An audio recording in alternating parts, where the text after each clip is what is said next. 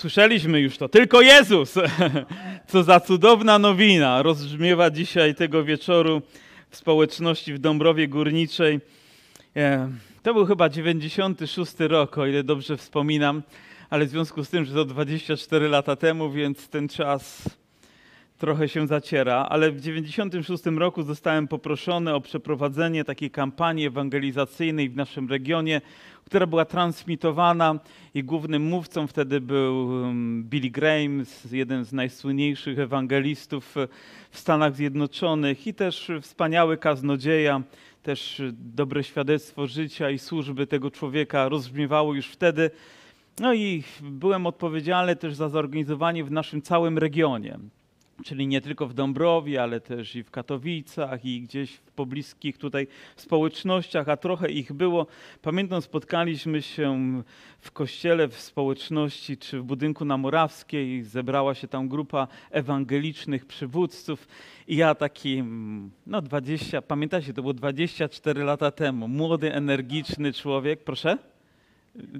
Nie pamiętam, 24 lata temu to było, więc 24 lata temu to było, więc trochę czasu upłynęło, ale tyle entuzjazmu włożyłem w to spotkanie, zachęcając braci do tego, żeby zaangażowali się w ewangelizację, żeby przyłożyli do tego ręce, serca i wszystko, co możemy w naszych społecznościach, by Ewangelia w, w regionie rozbrzmiewała, eksplodowała wręcz. I po tym moim entuzjastycznym, jak mnie się wydawało, wystąpieniu, zabrał głos. Już nawet nie pamiętam kto i to chyba znaczenia nie ma, żeby wspominać tutaj takie głosy z imienia i nazwiska, ale stanął jakiś zacny brat i powiedział, a po co? A mówię, ale zachęta, nie? Mówi, przecież mamy czasy ostateczne. Wiemy, że w ostatecznych czasach ludzie będą coraz bardziej źli i jeszcze gorsi. To po co ewangelizować? Wiecie, w tym momencie wszystko, co we mnie gdzieś runęło w dół, i miałem sporo mm, czasu na to, żeby się podźwignąć, czy potrzebowałem sporo czasu na to, żeby się podźwignąć, by na nowo Ewangelia mogła rozbrzmiewać. I zrobiliśmy to, mimo przeciwności, mimo opozycji, mimo różnych wyzwań, nawet logistycznych i, i technicznych, zrobiliśmy to i dziękuję Bogu do dnia dzisiejszego.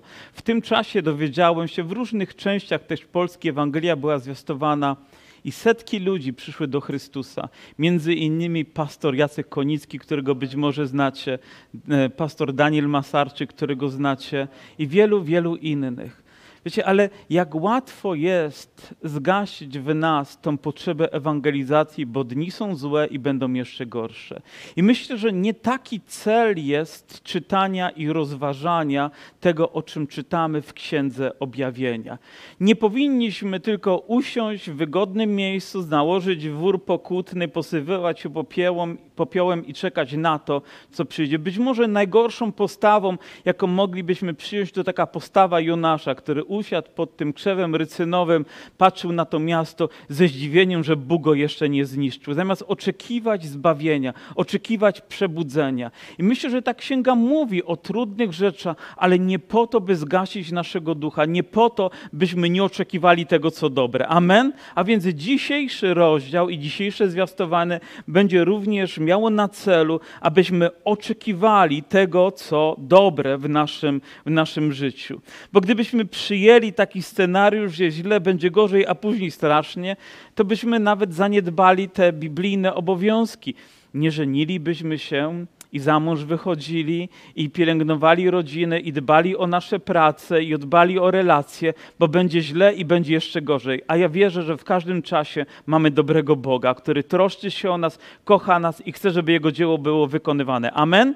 I oto widzimy czternasty rozdział, piękny rozdział i rozpoczyna się takim nagłówkiem wizja baranka i zbawienia, co rzeczywiście odnosi się do tekstu i oto Jan opisuje to tak. I widziałem, a oto baranek stał na górze Syjon, a z nim 144 tysiące tych, którzy mieli wypisane jego imię na czole i imię jego Ojca. Oto obraz, który rozpościera się przed oczyma Jana I on opisuje Jezusa, bo oto baranek, i nie mamy wątpliwości, że chodzi o Jezusa, ale chciałbym zwrócić uwagę, że to nie jest taki baranek, jaki przedstawiają obrazy naszych artystów, że gdzieś jakiś tam baraneczek idzie na rzeź, idzie w zasadzie na to, żeby stać się ofiarą. To nie jest baranek ofiarny, ale to jest zmartwychwstały baranek Boży.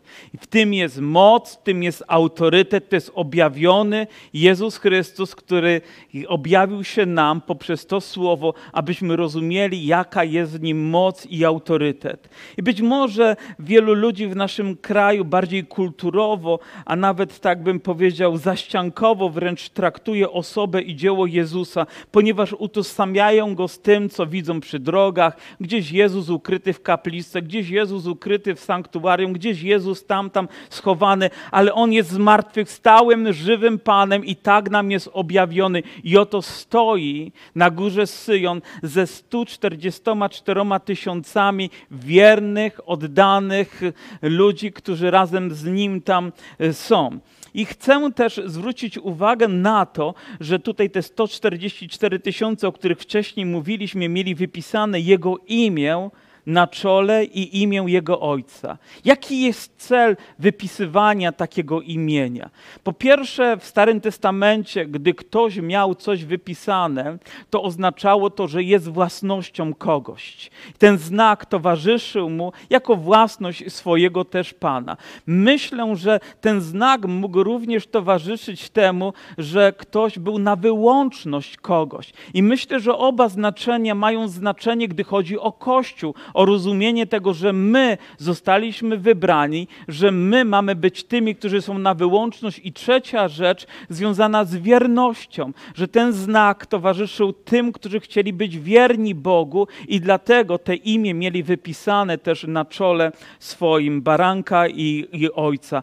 I dlatego też myślę, że nie chodzi tutaj tylko o tą liczbę, ale chodzi o zrozumienie, że my jako Kościół i tego błędu nie popełnimy, gdy powiemy, że zostali zostaliśmy wybrani na własność dla Boga. Amen. Że zostaliśmy wybrani po to, żeby należeć tylko do Niego. I tutaj znowu mam nadzieję, że usłyszę Wasze amen. I po to, żebyśmy byli Mu wierni. A więc my jesteśmy też tymi, którzy stają razem z Jezusem. I oto usłyszałem głos z nieba. Zwróćcie uwagę, gdy czytacie Boże Słowo, na takie proste zwroty. Skąd usłyszał głos? Z nieba. Dzisiaj wiele głosów dochodzi, dzisiaj wiele wieści możemy przeczytać, ale nie wszystkie dla nas są dobre. Ale chcę Was zapewnić, że gdy nastawimy nasze serce i nasze uszy, aby słuchać tego, co z nieba, to zawsze będzie dla nas dobre. I zawsze ten głos powinien być ważniejszy niż każdy inny. Te wszystkie potrafią naprawdę zniechęcić nas. Nie wiem, czy słyszeliście też o tym, że jednym z objawów przejścia przez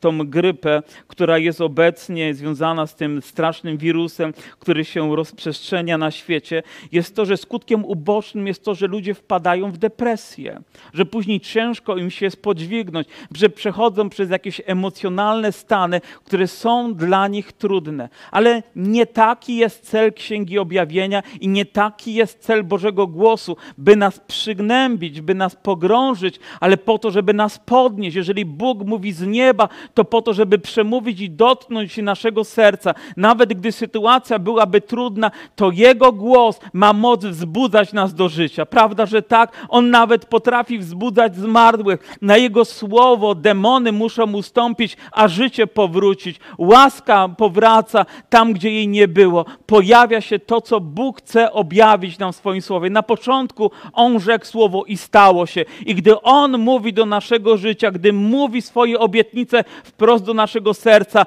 to chciejmy po prostu je wysłuchać, chciejmy je przyjąć i uznać, że one są prawdą i tym, czego potrzebujemy jako Kościół. Oto słyszałem głos z nieba i ja również dzisiaj nastawiam się od poranku nie na to, co usłyszę i za chwilę zostanie mi przedstawione w komunikatach, ale na to, co Bóg ma do powiedzenia, aby przygotować mnie na co, to spotka mnie tutaj na, na ziemi. I usłyszałem głos z nieba, jakby szum wielu wielu wód. Wyobraźcie sobie, jak potężny. Nie wiem, czy staliście kiedyś przy dużym wodospadzie, gdzie woda spadała. Akurat miałem okazję być kilka razy w Norwegii i tam to jest kraina wielu wodospadów spadającej wody, ale to jest niczym w porównaniu z tym szumem, który tutaj jest objawiony. Jak potężny jest to głos.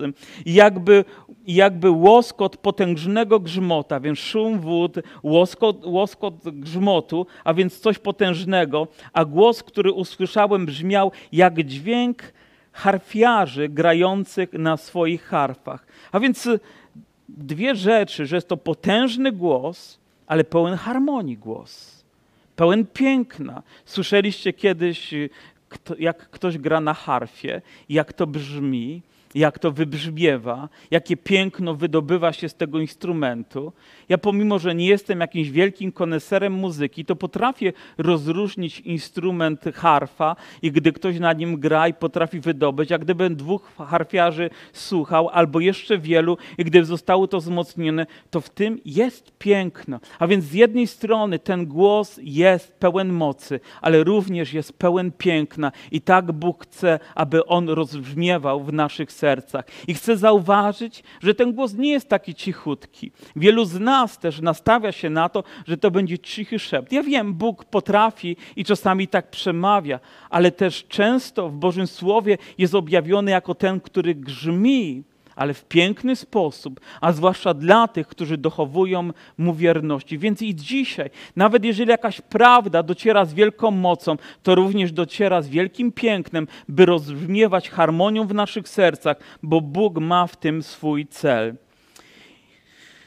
I śpiewali nową pieśń przed tronem i przed czterema postaciami i przed starszymi i nikt się tej pieśni nie mógł nauczyć, jak tylko owe 144 tysiące tych, którzy zostali wykupieni z ziemi. A więc widzimy, że te 144 tysiące to ludzie wykupieni na własność, wierni Bogu. Oni śpiewają pieśń, której nikt inny nie mógł zaśpiewać. Ale również gdy ja patrzę na moje ewangeliczne, chrześcijańskie życie, to mam wrażenie, że gdy rozmawiam z ludźmi na temat mojej wiary, to tak jakbyśmy rozmawiali w dwóch różnych językach. To, co dla mnie wydaje się tak oczywistą prawdą, dla tych ludzi jest jakąś abstrakcją. Czy ktoś z Was miał podobne doświadczenie, że śpiewacie pieśni, ale oni jakby nie rozumieją tego, ponieważ ten język jest im obcy, jest im daleki, bo tylko on wtedy może być zrozumiany, kiedy my my nawrócimy się, kiedy oddamy życie Jezusowi. I wiele takich świadectw słyszałem, gdzie matka nie rozumiała syna, albo syn nie rozumiał swoich rodziców, dopóki razem nie stali się w Chrystusie, a wtedy razem mogli uczestniczyć w tym, co Bóg chciał y, uczynić pięknym w ich życiu. Inaczej nasze życie jest jakby spolaryzowane. I dlatego też Boże Słowo ostrzega nas, abyśmy nie chodzili w obcym jarzmie z niewiernymi, bo jaki jest dział, jakie jest zrozumienie, jaka jest komunikacja, jaka jest wspólnota wartości. I myślę, że to nie tylko jest ostrzeżenie dla ludzi, którzy chcą wstąpić w związek małżeński i mają sobie wybrać żonę albo męża, ale to głównie stosujemy ten fragment do nich, bo wiemy, że małżeństwo to wielkie wyznanie i wyzwanie i dlatego powinniśmy stanowić jedność, aby rozumieć nasze wartości, aby rozumieć, dlaczego poświęcamy czas, poświęcamy nasze środki i nasze życie w tym celu, bo inaczej będzie dochodzić do napięć wewnątrz rodziny i stanie się wielkie rozdarcie, które będzie szkodą dla innych. Ale też gdy nawiązujemy relacje, ja nie mówię o tym, żebyśmy nie mieli przyjaciół w świecie, dobrze jest mieć ich, ale są granice, których nie możemy przekroczyć, dlatego że albo utożsamimy się z tym światem, albo oni też nie będą potrafili rozumieć w pełni nas. A więc kochamy tych ludzi, szanujemy ich, ale widzę różnicę, widzę pieśni, której oni nie mogą zaśpiewać. Może widzisz obok siebie kogoś na nabożeństwie, ty jesteś zalany łzami, ponieważ przeżywasz, a dla niego to, co się dzieje, jest obojętne. Jakby po prostu nie rozumiał tego, co się dzieje. Dlaczego? Bo należymy do dwóch różnych światów. Wierzę, że my duchowo należymy do tych 144 tysięcy. Amen. To jest obraz Kościoła, to jest obraz Bożej rzeczywistości dla nas, jako dla Kościoła. I później dalej czytamy słowa, które wydają się nieco trudniejsze. Są to ci, którzy nie, ska którzy się nie skalali z kobietami, są bowiem czyści, podążają oni za barankiem, dokądkolwiek idzie. Zostali oni wykupieni z pomiędzy ludzi jako, jako pierwociny dla Boga i dla baranka. I w ustach ich nie znaleziono kłamstwa, są bez skazy.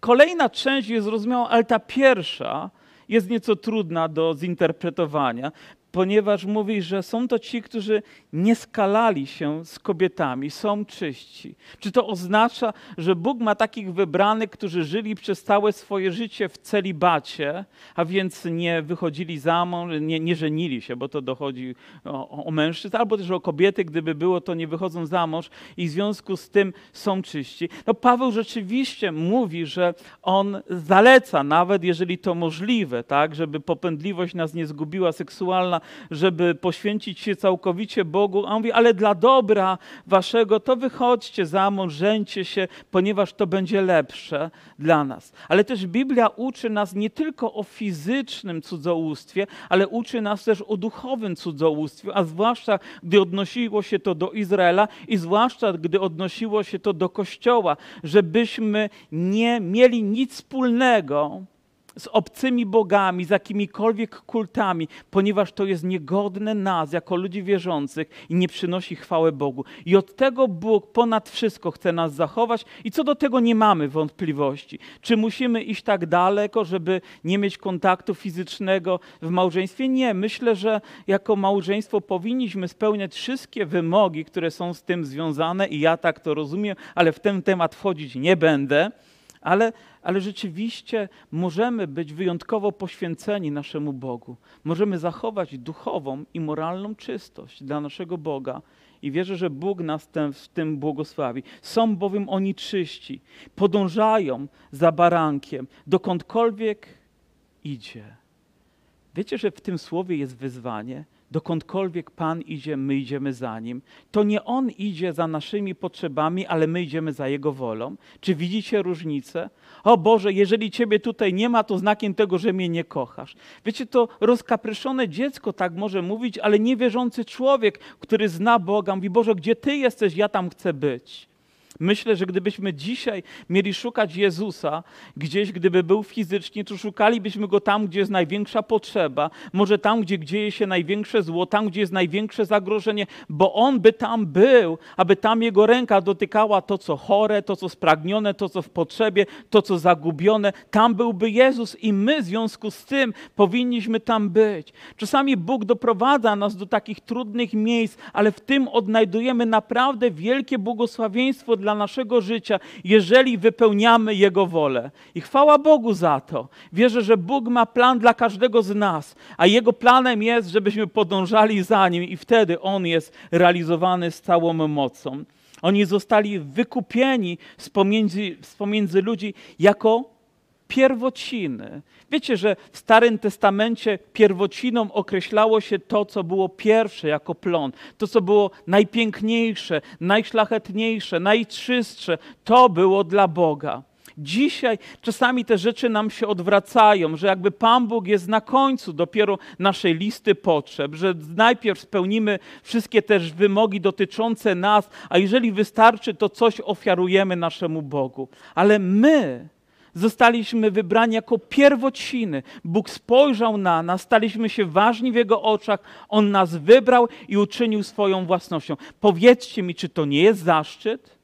Czy to nie jest przywilej być pierwszym wybranym spośród wielu innych? Czy nie zastanawiałeś się nigdy, dlaczego, ty, dlaczego to ty zostałeś wybrany, a nie inni? Być może nawet z twojej rodziny? Może inni, wydaje się, bardziej na to zasługiwali, ale to łaska ciebie spotkała. Czy to nie jest błogosławieństwem dla naszego życia, że możemy być w tym miejscu naszego życia, gdzie jesteśmy w relacji z Bogiem? Czyż nie należy się Mu za to chwała, że możemy przy Nim być, że za Nim podążać? Że to już jest źródłem dostatecznego szczęścia, byśmy przynosili Bogu chwałę przez resztę naszych dni. Aleluja!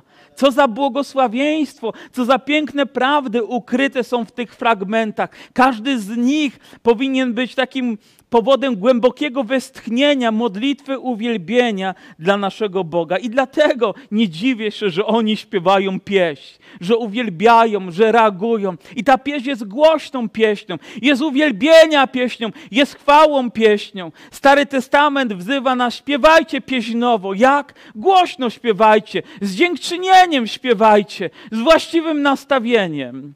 Ktoś kiedyś powiedział, że nawet gdy zamkniemy oczy, a słyszymy chór, to wiemy, czy śpiewają z uśmiechem, czy nie. Czy śpiewają z radością, czy nie. Czy śpiewają z zaangażowaniem, czy nie. Ja stoję z przodu, więc nie zawsze mam możliwość zobaczyć was, jak śpiewacie, ale ja słyszę, jak śpiewacie. Ja słyszę zaangażowanie. Ale to nie ma znaczenia, co ja słyszę o wiele większe znaczenie ma to, co Bóg słyszy. Czy wiecie, że On nie tylko chce, żebyśmy to duchowo robili wewnętrznie, ale żebyśmy mieli odwagę to również wyznać, ogłosić, powiedzieć całemu światu, że Jezus żyje, że On jest naszym Panem, żeby ta pieśń wybrzmiewała tak, że ludzie nawet przechodzący będą nasłuchiwać, mówią, o, o, oni jacyś dziwni są w tym śpiewaniu. O, nie rozumiem, ale podoba mi się. Naprawdę podoba mi się. Jeden z naszych braci mówi, że został zaproszony na koncert gospel do, do Pałacu Kultury i słyszał, że gospel będzie śpiewany. Mówi, o, widziałem w telewizji, jak murzynki śpiewały. O, podobało mi się. Dlaczego? Bo widział entuzjazm bo widział zaangażowanie. I tego samego oczekiwał, ponieważ gospel to Ewangelia i bez względu na kolor skóry, bez względu na położenie, powinniśmy mieć tą jedną cechę śpiewać z całego serca. Śpiewać uwielbiając naszego Boga, wyznając Jego imię. Pierwociny dla Boga i dla baranka. I w ich ustach nie, za, nie znaleziono kłamstwa. Mówienie prawdy nie jest rzeczą wygodną, nie jest dzisiaj popularną, ale tego oczekuje od nas Jezus, że będziemy prawdziwi, że będziemy autentyczni, że nie będziemy udawać kogoś, kim nie jesteśmy. I nie będziemy tylko mówić to, co ludzie chcą usłyszeć, ale to, co powinni usłyszeć. Oczywiście, że w tym musi być miłość, w tym musi być łaskawość i to powinno przyświecać naszemu sercu, ale, ale zawsze mówić prawdę, mówić prawdy z bliźni, mówić prawdę w relacjach z ludźmi, po prostu mówić. I widziałem, a przede wszystkim żyć w prawdzie. I widziałem innego anioła lecącego przez środek nieba, który miał Ewangelię wieczną, aby ją zwiastować mieszkańcom ziemi i wszystkim narodom i plemieniom i językom i ludom, który mówił donośnym głosem. Jedną z trudności, jaką mamy czytając Księgę Objawienia, jest czas. Gdzie na osi czasu umieścić te wszystkie rzeczy? Powiedzmy, że mamy cztery kolory koni, które pojawiają się. Koń biały, koń czerwony, koń czarny i koń szary na końcu. Już nie pamiętacie. No to wrócimy do początku, dobrze? I jeszcze raz przez to przejdziemy. A więc, ale czy to oznacza, że najpierw jest biały i później koniec? i później jest e, czerwony i koniec, i jest czarny i koniec, i jest szary i koniec? Czy jest tak, że one po prostu wszystkie cztery galopują i każdy z nich coś objawia? Oczywiście intensywność może być różna i w ostatecznych czasach ten szary może, może dominować, a on oznacza i różnego rodzaju pandemie, i różnego rodzaju zarazy, które niesie ze sobą. Więc to jest trudne do, zdefiniowania. Tak samo, gdy inne rzeczy zaczynają się pojawiać, czy najpierw pieczęcie, później czaszy, trąby, mamy problem, żeby to zdefiniować, w jakim czasie się odbywa. Ale ja wierzę, że te wszystkie rzeczy nie możemy tak po prostu punkty postawić na osi czasu, będzie oto tu, oto tu, oto tu, oto tu, oto tu, bo głód był, jest i może być Choroby były, są i mogą być, prawda? I inne wojny były, są. Chodzi może o intensywność, ale widzimy to na przestrzeni, a w ostatecznych czasach będzie to jeszcze wyraźniejsze. Ale jedną z rzeczy, o, których, o której powinniśmy wiedzieć, to że w ostatecznych czasach przyjdzie moment, kiedy Ewangelia będzie zwiastowana na całej ziemi. Na całej ziemi. Do wszystkich zakamarków świata dotrze dobra nowina. I ja rozumiem poprzez to, że nie tylko informacja, która mówi, o, jest Biblia i powinniśmy ją czytać i może nawet zostanie przetłumaczona na język, daj Panie Boże, bo na niektóre języki, dialekty jeszcze do dnia dzisiejszego nie została przetłumaczona, przynajmniej cała Biblia, tak jak tego ludzie potrzebują. Nie wszędzie jeszcze Ewangelia dotarła, może jeszcze są grupy etniczne, gdzie trzeba im zwiastować, pewnie są odpowiednie odpowiednie mapy, które pokazują, ale będzie intensywność czasu, gdzie Ewangelia w szczególny sposób będzie zwiastowana. Ja tak wiem, my jesteśmy chrześcijańskim krajem, więc możemy uznać, że jest ewangelizowany. Nieprawda. Nie wierzę w to, że jest to, czego ja potrzebuję. Jako wierzący człowiek potrzebuję prawdy Ewangelii, potrzebuję mocy Ewangelii, potrzebuję zobaczyć, jak Ewangelia rzeczywiście zmienia życie ludzi. Kiedyś przeprowadzaliśmy taką ankietę e, z młodzieżą, idąc na ulicę i pytając ludzi, kim jest Jezus w naszym chrześcijańskim narodzie. Na dziesięciu ludzi, może dwóch, coś więcej wiedziało, a pozostałych ośmiu to tak jakby jakby na szkółkę niedzielną nigdy nie chodzili, na lekcje religii nigdy nie chodzili, jakby jakąś abstrakcyjną, abstrakcyjny obraz, abstrakcyjną postać e, próbowaliśmy tu od nich wyciągnąć. A przecież żyjemy w chrześcijańskim narodzie. Nie wiem, jak to się stało, że również ja w moim chrześcijańskim życiu, nie wiem czy w ostatnich miesiącach czy latach, przestałem marzyć o tym, że Polska zostanie cała zewangelizowana. Zacząłem się już wybierać do nieba, gdy tu jeszcze i tyle potrzeba jest ludzi zewangelizować. Czy nie myślicie, że podobnie możemy czasami się czuć? Że zapomnieliśmy o tym, do czego zostaliśmy powołani, że zaczęliśmy tylko wybierać się do nieba, zamiast po drodze ewangelizować ludzi, ale ten anioł to nie jest osoba, która za nas to wykona. To nie jest posłaniec, którego, którego usta będą ustami moimi czy Twoimi. On obwieszcza potrzebę zwiastowania Ewangelii. On jest tym, który nam uświadamia, że ta Ewangelia ma dotrzeć. Chcecie przykładu? Weźmy Księgę Dzieł Apostolskich, weźmy dom Korneliusza i czytamy, że był bardzo pobożnym, zacnym człowiekiem. Wiemy, że się modlił i nawet hojnie łożył na Boże dzieło ale przyszedł do niego anioł, aby powiedzieć mu, że tam jest Piotr, ten Piotr, ten ryba, którego Jezus powołał, który stał się jego apostołem i ma posłać do niego, a był wtedy w Cezarei Nadmorskiej, czy w okolicach Cezarei Nadmorskiej, aby przyszedł do jego domu i aby mu zwiastował Ewangelię. A więc nie anioł, który mu się objawił, ale Piotr, który miał tam przyjść. Ale anioł powiedział mu, że tam jest Piotr i ma go sprowadzić. I myślę, że to jest sygnał dla nas, może to jest jest wyzwanie dla nas, że w ostatecznych czasach każdy z nas jest powołany do tego, żeby zwiastować Ewangelię. Oczywiście, że Twoje serce i moje serce ma być gotowe, ale również gotowością naszą ma być to, aby zewangelizować pokolenie, w którym żyjemy. Oczekiwać rzesze ludzi, bo przestaliśmy o tym marzyć, przestaliśmy się o to modlić, przestaliśmy oczekiwać. Kiedy w 1996 roku przeprowadzaliśmy tą kampanię ewangelizacyjną w Pałacu Kultury Zagłębia, jeździła ze mną moja sześcioletnia e, córeczka Doris. I teraz już wiecie, ile ma lat, prawda? Ale e, jeździła tam i tak jej się spodobało to, że tam przyjeździliśmy. Mówi, tato, pewnego dnia wróciliśmy do starej kaplicy po ewangelizacji, tam mieliśmy ją przez tydzień, wróciliśmy do tej małej salki, gdzie teraz jest kafejka, to była nasza kaplica i ona przyszła zarazem ze mną, nie wiem, czy to było środowe nabożeństwo. Mówi, tato, ale nie chcę do tego kościoła.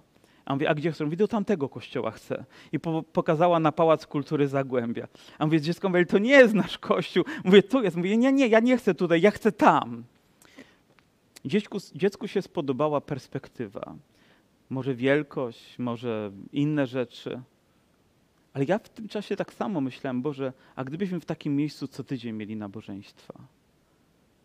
A może dwa razy w tygodniu. Gdybyśmy mieli wypełnić całą salę, to pewnie by nas było stać. I nawet nie wiem, kiedy to marzenie umarło we mnie. Wybudowali nam taką ogromną halę sportową. Kto z Was nie był na jakimś meczu, chociaż raz w życiu w Dąbrowie Górniczej? Ja byłem tam na, na paru różnych wydarzeniach.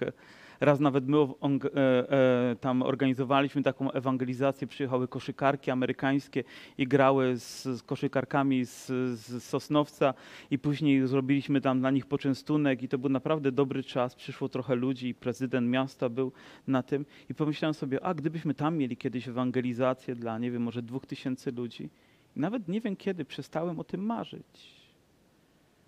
Kiedy, kiedy to wszystko stopniało we mnie, kiedy te, te pragnienia, te wzniosłe myśli po prostu zamieniły się w takie codzienne, szare funkcjonowanie. W szare znaczy, że nie, że pozbawione Boga, bo Bóg był, On jest ze mną, On mnie kocha, ale moje marzenia po prostu umarły gdzieś po drodze albo zostały przykryte troskami, problemami, a teraz, gdy jeszcze mówi nam się o tym, że na nabożeństwie nie może być więcej ludzi niż jedna na 4 metry kwadratowe, czy na 7 metrów, czy będzie nie wiadomo ile, czy może tylko pięciu przyjść. Czy to spowoduje, że jeszcze bardziej zapomnę o tym, że ten świat potrzebuje być zewangelizowany? Czy muszę inną formę przyjąć? Nie wiem. Ale to tak łatwo zgasić. Nie wiem, czy czujecie się trochę podobnie. O, teraz oczekujemy, że kolejne czasze będą, kolejne rzeczy, kolejne biada się odezwą, kolejne te rzeczy, apoka- one się odezwą, ale ten anioł obwieszcza wieczną Ewangelię, wieczną, dobrą nowinę, która w każdym czasie powinna rozbrzmiewać, a dzisiaj szczególnie ludzie jej potrzebują. Amen? I to, czego powinniśmy oczekiwać, czytając również Księgę Objawienia, to to, że przyjdzie czas przebudzenia nie wiem, jak wy postrzegacie rzeczywistość, w której żyjemy i nasz kraj, ale ono, ten kraj nigdy nie przeszedł przebudzenia. Tak stał się religijnym narodem, ale nie stał się chrześcijańskim w pełni tego słowa znaczeniu. Ludzie nie stali się nowonarodzeni, nowonarodzeni. Wiecie, że w naszym kraju mamy mniej niż 1% ewangelicznie wierzących ludzi wciąż? Mniej niż nawet połowa tego procenta. Ja nawet nie wiem, jakie dzisiaj są statystyki, ale na 100 ludzi nawet jednego całego wierzącego nie znajdziecie. To nie jest coś, co zachwyca moje serce. A ten anioł mówi o tym, że musimy zwiastować dobrą nowinę. Jego, jego poselstwo powinno rozbrzmiewać. I dzisiaj, jeżeli główną myślą, którą mielibyście zapamiętać, byłoby to, żeby na nowo oczekiwać Bożego poruszenia tam, gdzie jesteśmy, tam, gdzie żyjemy, tam, gdzie Bóg nas postawił, w miejscu, w którym jesteśmy, w tym mieście, w tym narodzie, to będę szczęśliwy z tego powodu. Jeżeli wyjdziecie stąd i nie będziecie tylko oczekiwać jeść jakiejś zapaści i trudnych rzeczy, ale będziecie oczekiwać to, że przyjdzie wylanie Ducha Świętego, to będę szczęśliwy, wiedząc o tym. Nie będę chyba szedł dalej, rozważając każdy wiersz, ponieważ czasu nam pewnie by na to zabrakło, ale chciałbym zwrócić naszą uwagę jeszcze na dwa fragmenty. Jeden z Jakuba, który mówi tak: Przeto bądźcie cierpliwi, bracia, aż do przyjścia Pana.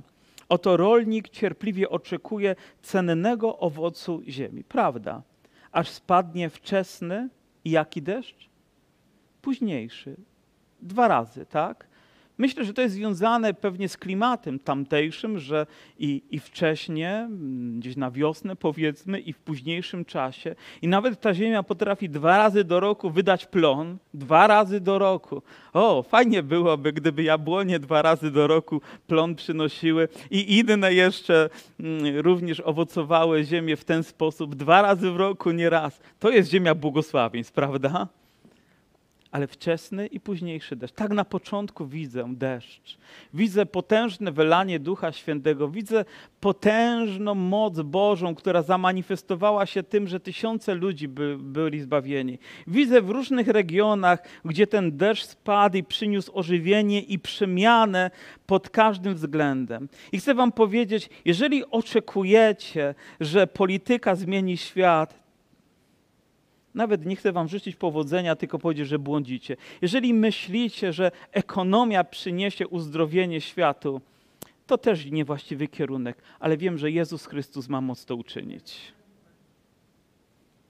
Ten deszcz, gdy spadł, on przemieniał kultury, każdą warstwę społeczną, on przemieniał życie ludzi i ma moc również przemienić nasze życie.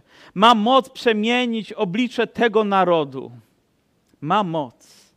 I oczekuję tego późnego deszczu.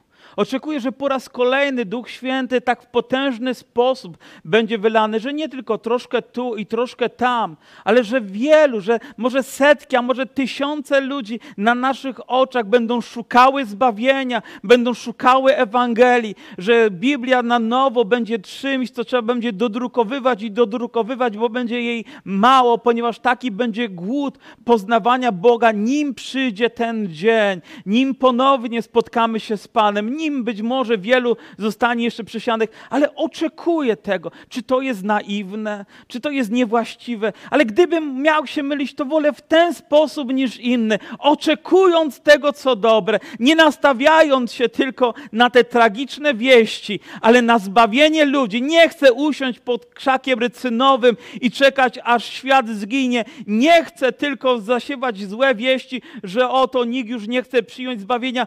Oczekuję, że serca ludzi się przebudzą i wiem, że Bóg ma moc tego dokonać. I chciałbym, żebyśmy my jako Kościół oczekiwali, że nie będzie pustych miejsc. Nawet za cenę, jaką trzeba będzie zapłacić, by tu przyjść i te miejsca wypełnić. Że Bóg przyjdzie w swojej mocy i poruszy tak dokładnie. I moglibyśmy czytać jeszcze dalej o znakach zbliżania się, gdy Pan Jezus mówi w Ewangelii Mateusza, i, i, różne rzeczy będą towarzyszyć, a w końcu mówi też tak: i będzie głoszona ta Ewangelia o Królestwie po całej ziemi, po całej ziemi, po całej ziemi.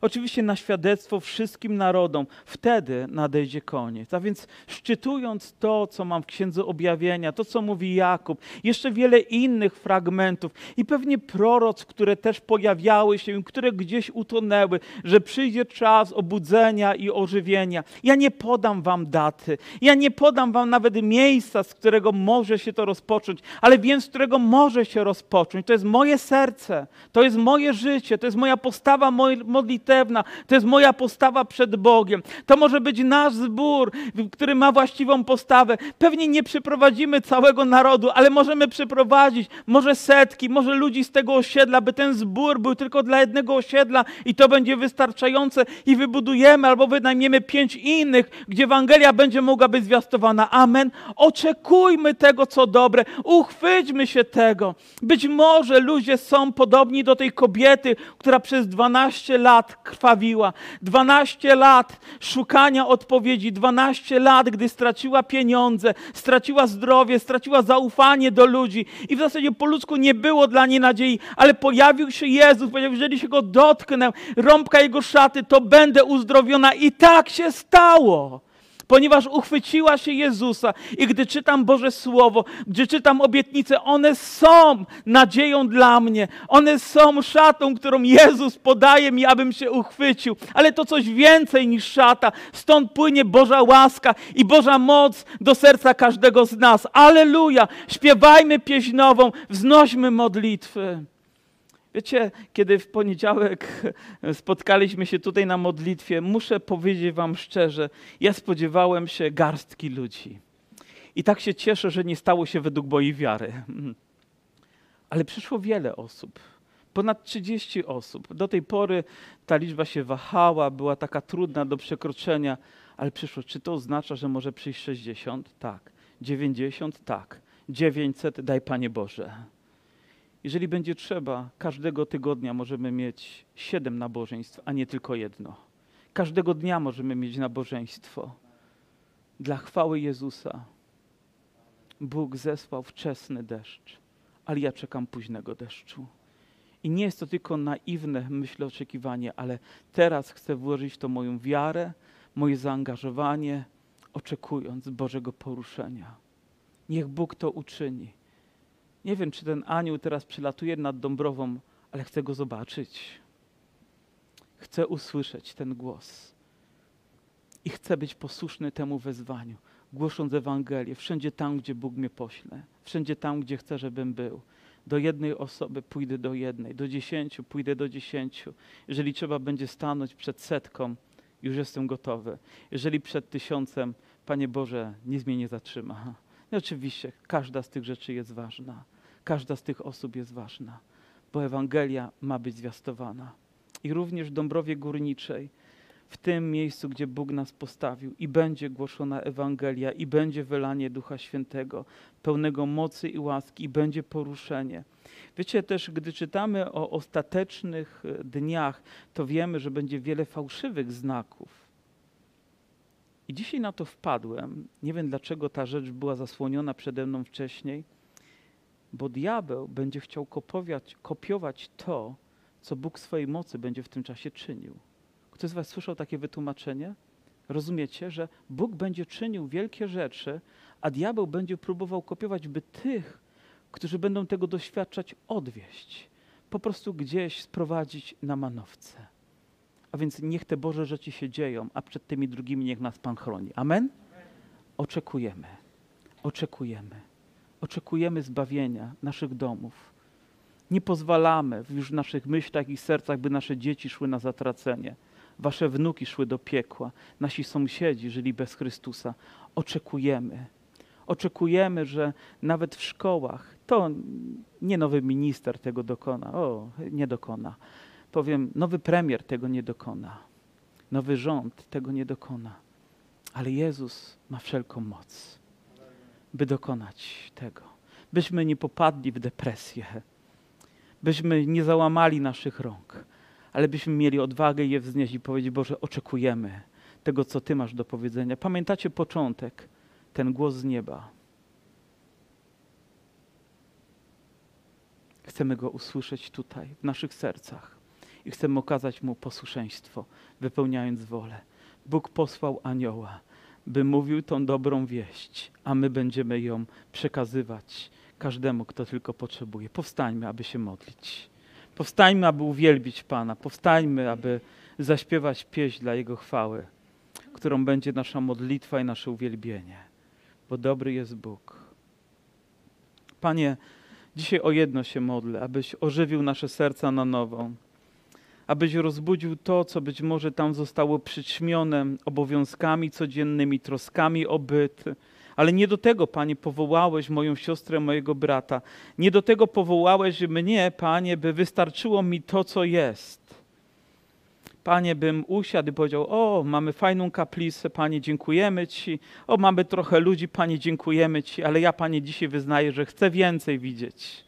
Panie, chcę więcej doświadczać. Chcę widzieć przebudzenie, chcę widzieć ożywienie, chcę widzieć, jak młodzi ludzie się nawracają. Panie, i to dziesiątkami i setkami. Chcę widzieć, jak ludzie w wieku średnim, całymi rodzinami przychodzą do Ciebie. A nawet, Panie, starcy są zanurzani dzisiaj, Panie, w Twoim imieniu, żeby przyjąć zbawienie i potwierdzić to w Panie, każdy, każdy potrzebuje w każdym czasie tej dobrej nowiny.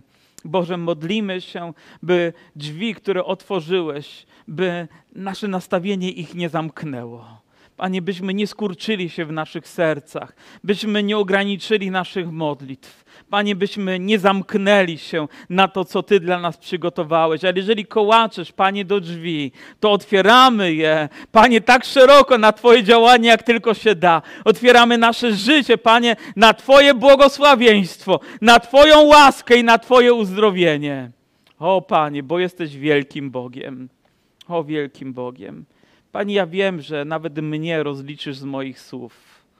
Pani, przyjdzie jutrzejszy poranek, być może doświadczenie jutrzejszego dnia, ale nie chcę się poddać, Panie, żadnym złym myślom, bo będę oczekiwał, Panie, najpierw tego, co Ty powiesz z nieba, by później, Pani, zmierzyć się z tym, co na ziemi i wierzę, że będę miał do tego autorytet i Twoją moc i Twoje namaszczenie. Panie, wybrałeś nas, abyśmy byli kapłaństwem, abyśmy byli narodem świętym. I tak jak o, ten lud, te 144 tysiące zostało oddzielone i my, Panie, zostaliśmy oddzieleni dla Twojej chwały strzeżeni Twoją łaską i Twoją mocą i prowadzeni w Twoim Duchu Świętym.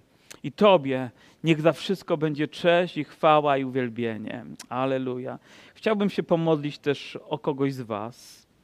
O kogoś, kto być może w jakiejś części też tego, co mówiłem, utożsamia się nawet z tym, co ja odczuwałem, z czym musiałem się zmierzyć i pewnie będę musiał się jeszcze nie raz zmierzyć. Ale kiedy jest nas już dwoje, to jest łatwiej, a kiedy jest troje, to już trudniej nas przerwać. A kiedy jest nas wielu, to trudno nas zatrzymać a kiedy jest nas naprawdę wielu, to jesteśmy nie do zatrzymania całkowicie. Pochylmy głowy. Kto z Was gdzieś w głębi serca odczuwa, że również ma taką potrzebę, takie pragnienie? Proszę podnieść swoją rękę, powiedz Panie Boże tak. Nawet jeżeli wiąże się to z ceną, którą trzeba zapłacić, Panie Boże tak. Proszę podnieść. Jeżeli nie chcesz, nie rób tego, ale jeżeli masz takie pragnienie, zrób to. Może powiedziałeś to wcześniej, a dzisiaj potrzebujesz to powtórzyć. Panie Boże, dziękuję Tobie za te osoby.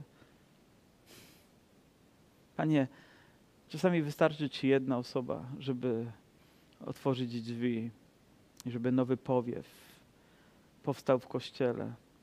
Czasami dwie osoby, Panie, które zaczynają się modlić o to, co uzgodnili. To już jest, Panie, potężna moc, by wysłuchać. Ale też, Panie, gdy idziesz dalej i gdy jest wielu, Panie, takich, którzy mają takie pragnienie, marzenia stają się rzeczywistością.